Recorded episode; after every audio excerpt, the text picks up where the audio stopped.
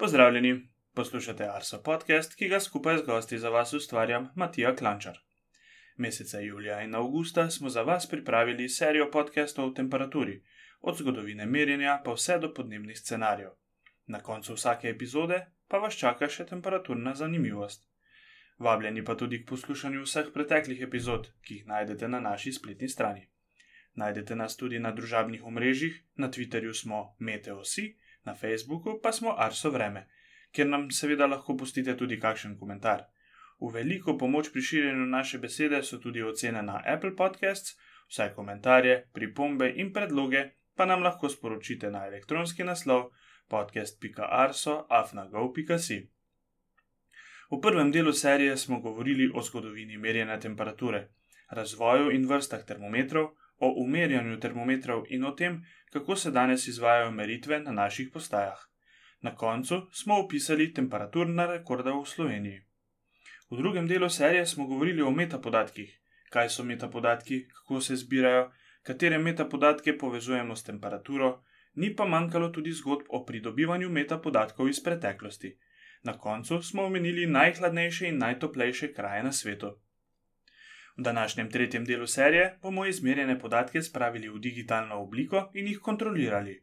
O digitalizaciji podatkov sem se pogovarjal z Matejo Nadbah, o kontroli podatkov pa je nekaj več povedal Miha Demšar. Včasih so se meritve zapisovale samo na papir, pa me najprej zanimalo, ali so vse uradne meritve dostopne oziroma zapisane v računalniški obliki. Vse uradne meritve so dostopne. Eh, stvar je v tem, da večina um, uradnih meritev je na papirju, ki pa je dostopen uh, v arhivu Agencije Republike Slovenije ali pa na arhivu Republike Slovenije, kjer hranimo to gradivo. Vsak uporabnik bi lahko uh, dostopal do tega papirnega gradiva. Vendar večina tega papirnega gradiva pa ni digitaliziranega. Uh, digitalizirano gradivo je od leta 1961 do danes, se pravi, um, postaje, samodejne postaje, uh, že same po sebi um, dobimo digitalni obliki uh, meritve in uh, opazovanja. Um, Dočim večina um, opazovanj pa poteka še vedno na klasičen način, se pravi, še vedno imamo več postaj, kjer opazovalci svoje opazovanja in meritve beležijo na papir, uh, v svoje poročila, dnevnike, uh, se pravi, tudi. Um, Razne ti uh, instrumenti beležijo uh, na trake, razni pluviogrami, termogrami, heliogrami, barogrami, higrogrami, uh, to je še vedno vse na papirju. Tako da um, Gradivo, ki je do zdaj uspešno digitalizirano, so meteorološka poročila, meteorološki dnevniki, deloma od leta 1961 do danes, in tudi, se pravi, eh, meritve iz samodejnih postaj. To je vse dostopno tudi na našem spletnem arhivu meteoroloških podatkov. Nadaljevala sva s pogovorom o pomembnosti digitalizacije starejših podatkov. Starejši podatki eh, so zelo pomembni. Eh, če izhajamo iz um, definicije ali pa stališča, ki ga ima arhiv uh, Republike Slovenije in večina um, ustanov, ki se ukvarjajo z arhivi, uh, menijo, da je to vrstno gradivo kulturni spomenik naroda. To je, se pravi, da ravnamo z njim spoštljivo, da je pomemben del uh, narodove uh, zapuščine in je to eden od razlogov, da se poskuša to digitalizirati, s tem pa ohraniti to gradivo. Uh, vemo, da je uh, papir gradivo, ki uh, propada in s tem tudi vse zapisano na njem. Na ta način bi mi s časom lahko izgubili vse, vsa opazovanja, meteorološka opazovanja, vse meritve, in um, zato skušamo zdaj te, um, to preprečiti, da bi propadlo.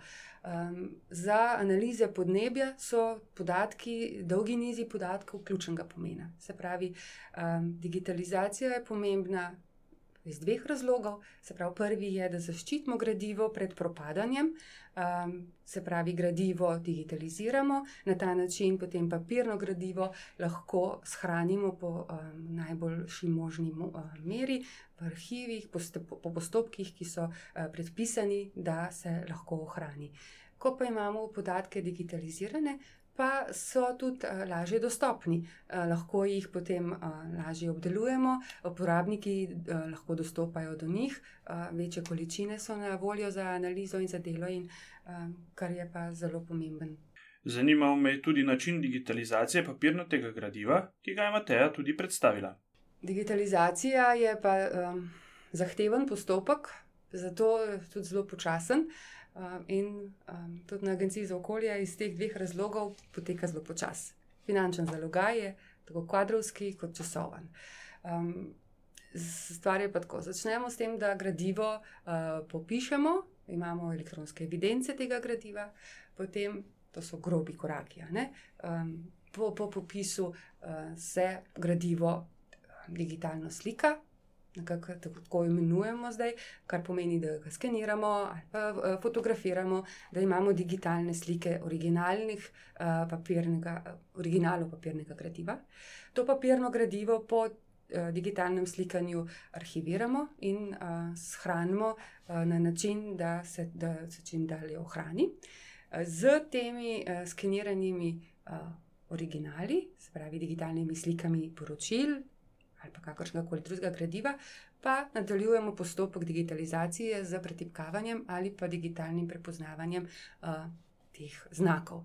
Um, potem, se pravi, vse čas tega postopka um, digitalnega slikanja ali digitalizacije je potrebna kontrola. Ali smo v resnici uh, pravilno pretipkali podatek, ali je um, vse bilo poskenirano.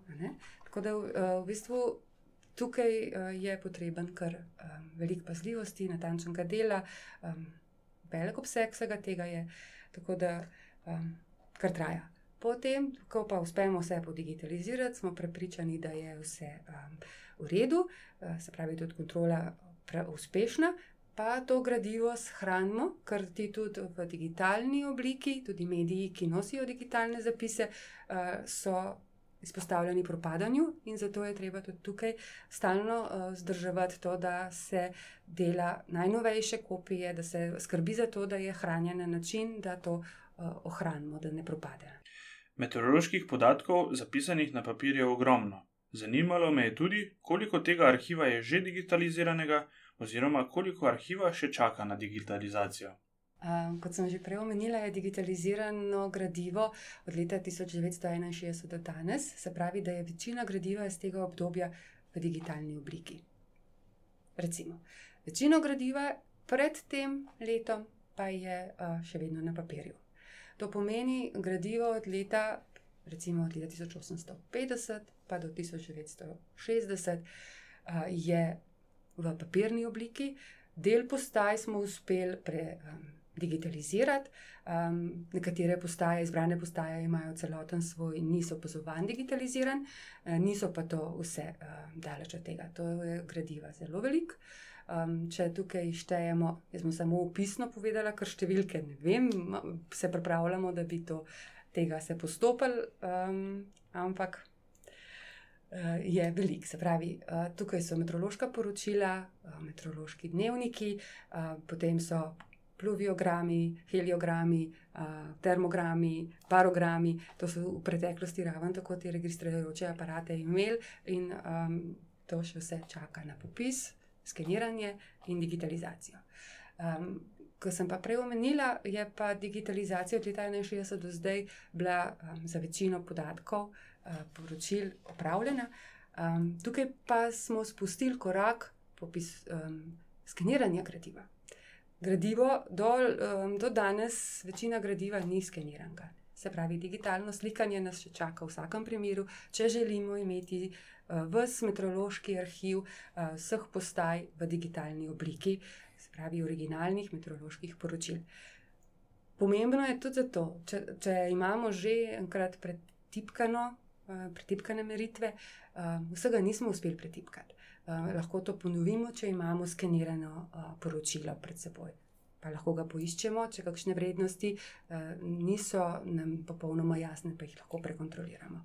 Se pravi, imeti arhiv, arhiv meteoroloških podatkov v papirni obliki.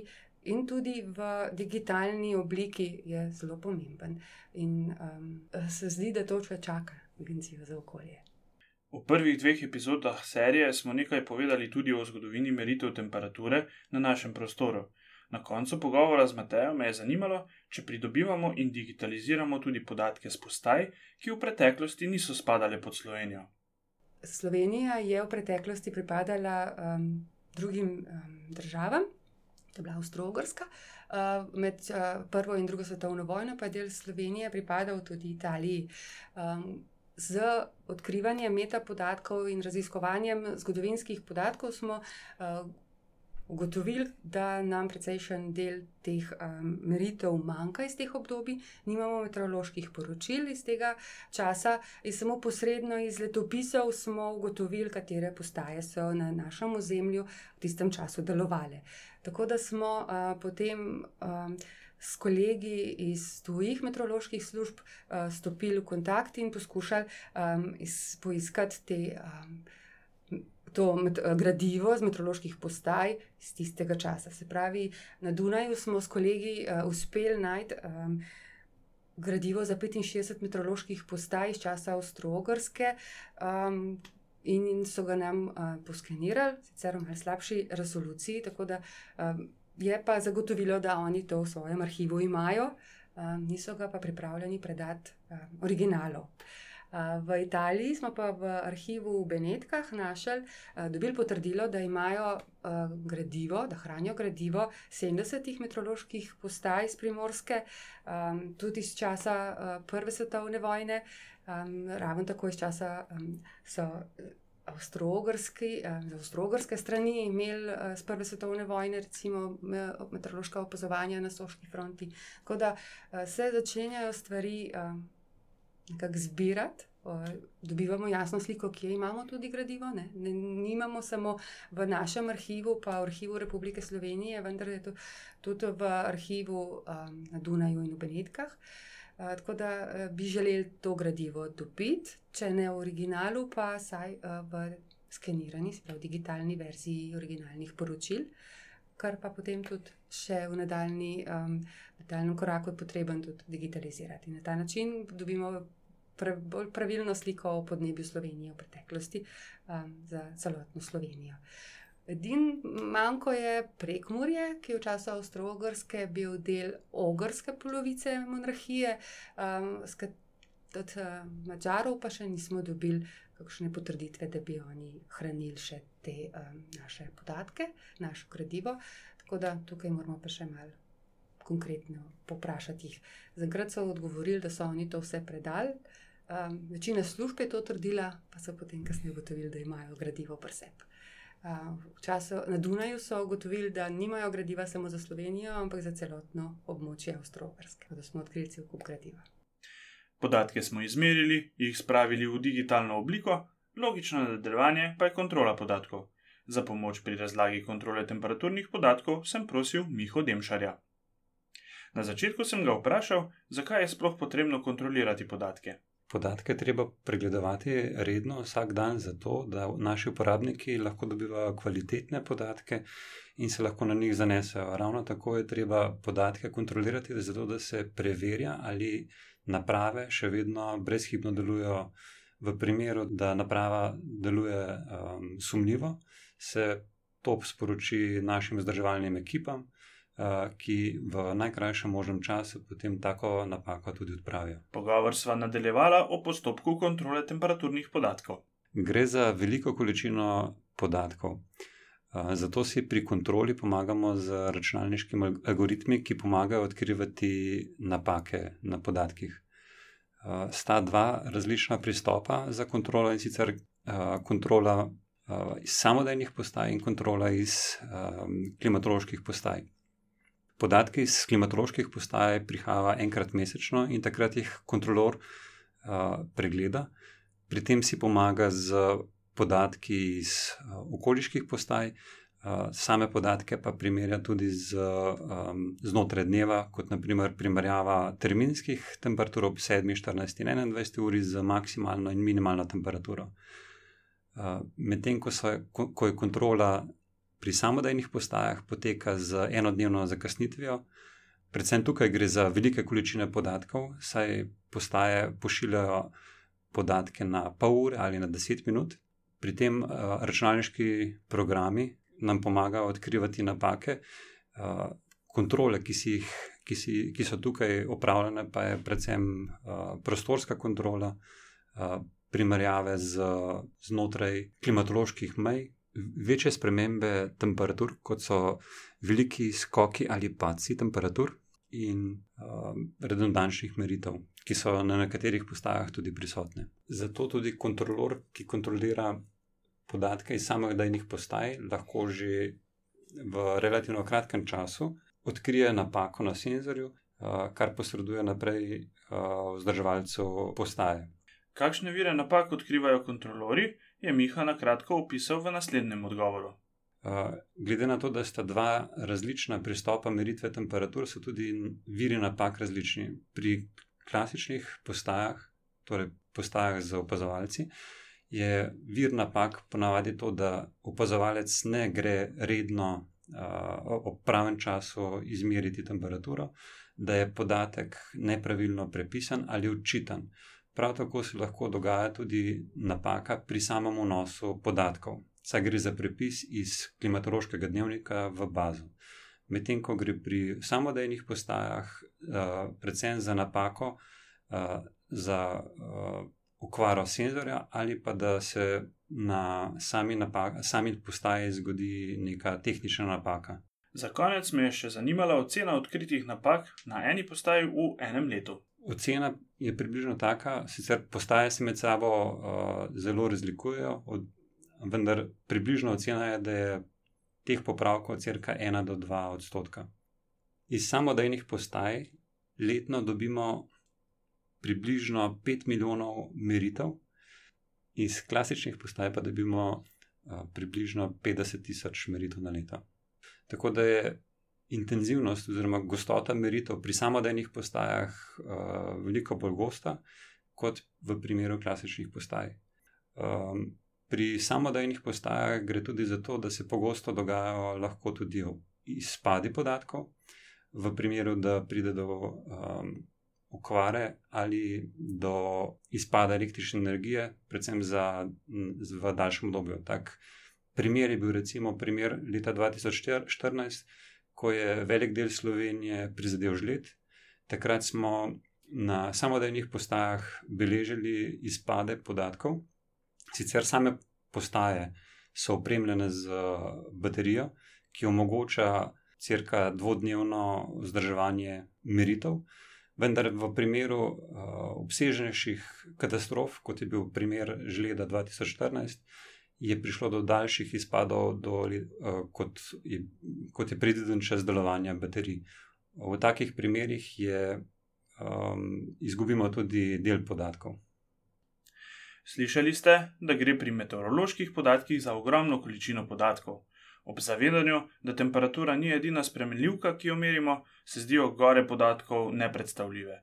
Upam, da ste dobili vsaj malo pogleda v delo naših kontrolorjev in tistih, ki podatke pripisujejo v bazo.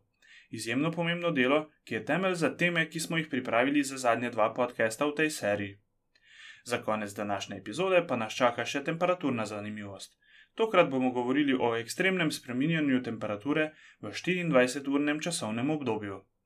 Najprej poglejmo dogodek, ki se je zgodil januarja 1972 v zvezdni državi Montana v Združenih državah Amerike.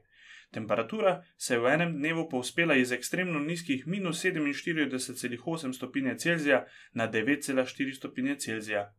Temperaturna razlika 57,2 stopinje Celzija trenutno velja za uradno največji skok temperature v enem dnevu na svetu. Razlog za hiter porast temperature je bilo adiabatno segrevanje zraka, ki se spušča ob pobočju. Pojavi se veter, ki ga na območju ZDA in Kanade imenujemo šinuk. Na našem prostoru bi ga lahko enačili s fenom. Pa ostanimo v zvezdni državi Montana še za en rekord, morda tudi svetovni. Če smo prej opisali najhitrejši dvig temperature v 24 urah, pa bomo sedaj predstavili najhitrejši padec temperature v 24 urah. Ob prehodu hladne fronte je temperatura v kraju Browning v Montani padla iz 6,7 stopinje Celzija na minus 48,9 stopinje Celzija. Kar neverjetno, mar ne? Poznate tudi vi kakšno zanimivo temperaturno zgodbo? Delite jo z nami na družabnih omrežjih ali pa nam jo napišite na naš elektronski naslov podcast.arso.afnago.si. Poslušali ste tretji del serije podcastov, kjer se bo kot rdeča nit prepletala temperatura. V naslednji epizodi boste nekaj več slišali o homogenizaciji podatkov in o pripravi temperaturnih analiz. Hvala za poslušanje in pozornost. Obilo lepega vremena do naslednjič in se slišimo čez 14 dni.